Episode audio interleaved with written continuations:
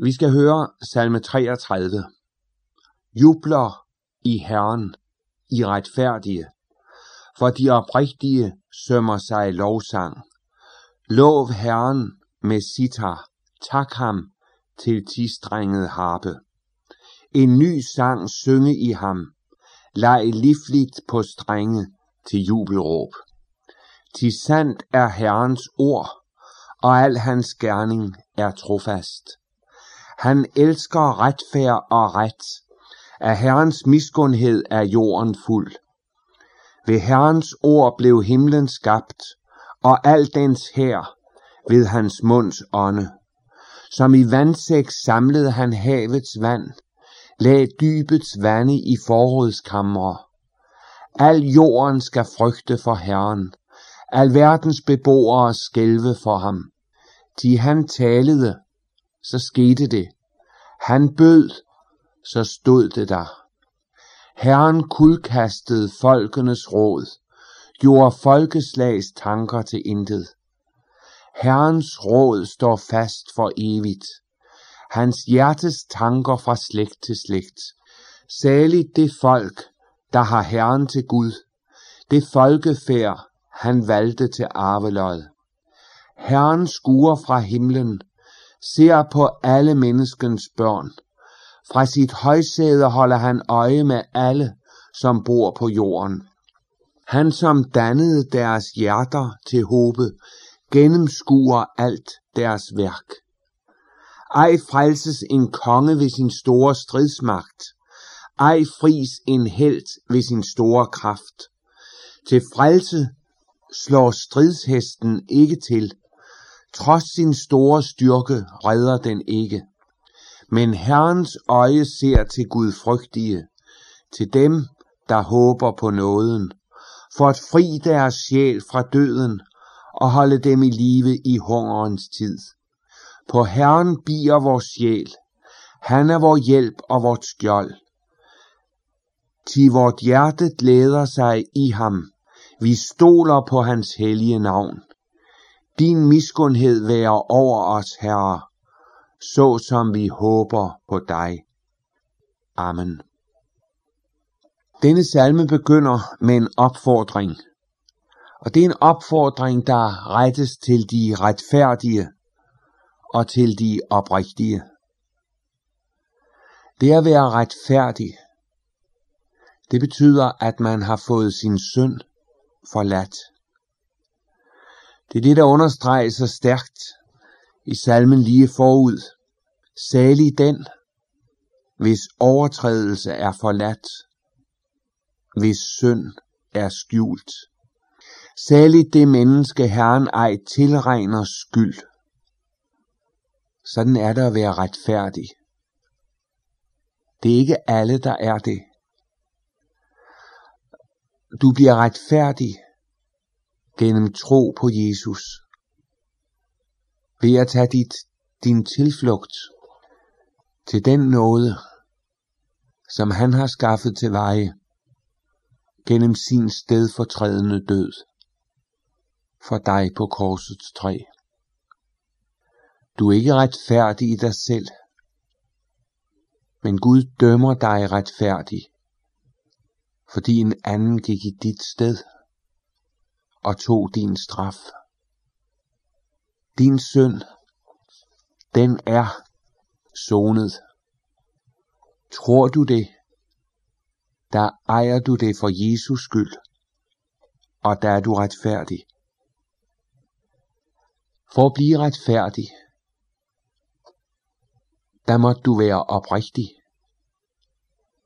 Det vil sige, det måtte komme dertil med dig, at du ikke længere skjulte dig for Gud. At du ikke længere undveg ham. Du måtte frem i lyset, hvor du var gennemskuet og blev ved med at være det af Herren hvor han fik lov til at tale til dig om din synd og skyld, men også om sin nåde mod en fortabt som dig. Har du været inde i dette forunderlige brændpunkt, der skal du takke Herren. Du skal love ham. Du skal synge ham, vers 3, en ny sang. Det er den sang, som kun en frelst kan synge ham. Der er mange, der kan komme med udbrud af den ene og den anden art. Men de frelstes lovsang kan kun synges af dig, som er blevet draget op af ham fra den brusende grav, fra det skidende døn. Han satte min fod på en klippe, gav skridtende fasthed. En ny sang lagde han i min mund. Det er de frelstes evige forunderlige lovsang. Det er den sang, der fødes i den erkendelse, at jeg stod der i bund og grund fortabt.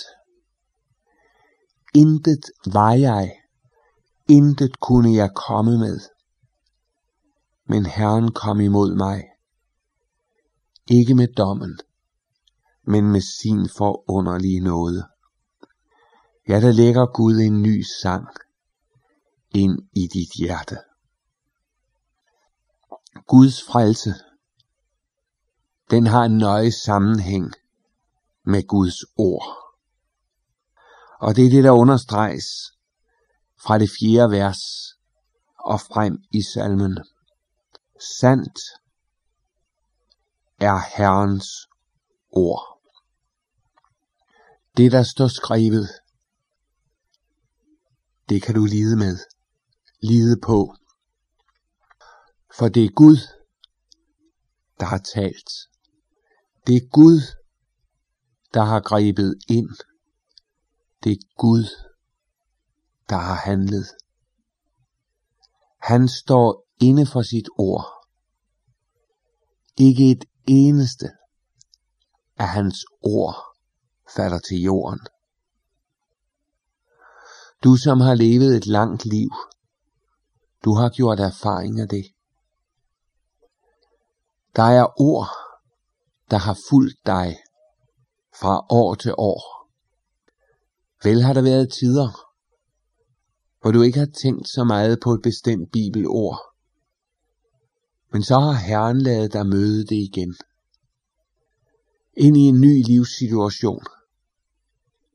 Og du har undret dig. Undret dig over den kraft, der var i det ord. Den blev ikke brugt op første gang, du mødte det. Nej. Det er som om Guds evige kraft bliver ved med at strømme ind gennem de samme ord. Og denne kraft når din sjæl, og du finder hjælp, og du finder trøst. Du ser, at Guds gerning er trofast. Med beskæmmelse må du se, bag, se tilbage på dit liv. Og så må du sige, at der var så meget, i hvilket du ikke var tro. Der er så meget, der skulle være helt anderledes. Men sådan er det ikke hos Gud. Hos ham, i hans gerning, der finder du den trofasthed, som du selv mangler. Sandt er hans ord.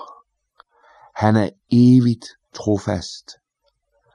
Og det kaster også et forunderligt lys ind over det livsafsnit, som du endnu har tilbage at vandre i. Gud er trofast. Han vil være, som han har været. Du kan lide på ham. Det er underligt at tænke på, at det ord, der bærer dig, det er det samme ord, som skabte himmel og jord. Ved Herrens ord blev himlen skabt. Og al dens her, og så står der et vidunderligt udtryk, ved hans munds ånde. Tænk, Gud er det skabte så nær, så det er hans ånde, der har givet det liv. Og sådan er det også med dig, der kender Jesus. Du husker måske, hvordan Jesus mødte sine disciple efter opstandelsen, og så åndede han på dem, og så sagde han modtag Helligånden. Det har Jesus gjort mange gange siden. Også i dit liv. Han har skabt gennem sin munds ånde, gennem den hellige ånd.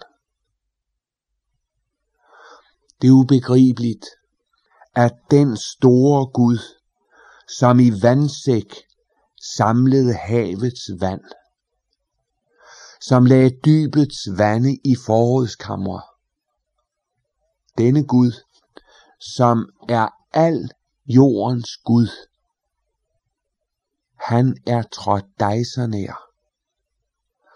Så det skaber ord, hvorved han skabte himmel og jord. Det er også blevet et ord ind i dit liv. Han talede, så skete det. Han bød, så stod det der. Hvis du tænker på, hvordan dit forhold har været til Guds ord, så er det jo sådan, at man kan læse Bibelens ord igen og igen, uden at det overhovedet siger en noget. Men så kan man også gøre en erfaring. En erfaring med det samme ord. Og man undrer sig. Nu ved jeg ikke, hvor mange gange jeg har mødt det ord, siger man til sig selv, uden at jeg har tænkt på noget. Men pludselig begyndte ordet at leve. Det var som om det kom imod mig. Det talte til det inderste i mig, og jeg var klar over, at dette ord kan jeg lide på og bygge på. Hvad er det, der er sket? Jo, der er sket det, at Gud har sagt det samme ord, som han engang talte. Hans ånd har virket igennem ordet, og det er nået ind, og det har født din sjæl på ny. Sådan er Gud. Det er ikke menneskets vilje. Det er heller ikke verdensherskernes vilje, der er bestemmende.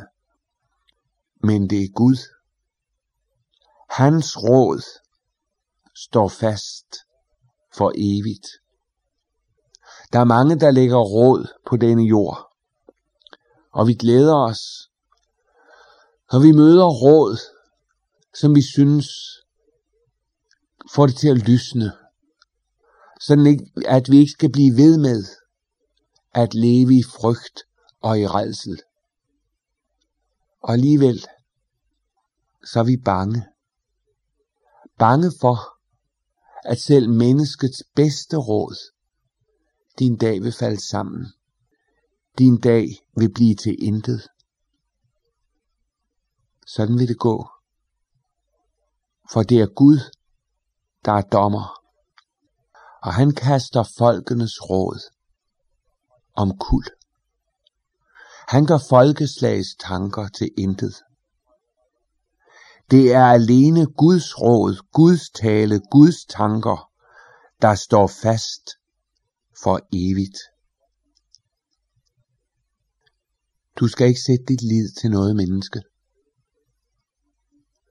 Du skal ikke sætte dit lid til nogen resolution på jord.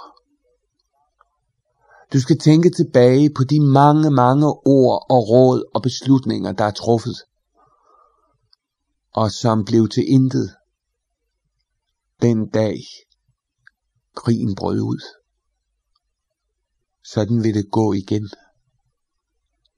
For Gud holder dom, og syndens løn er døden.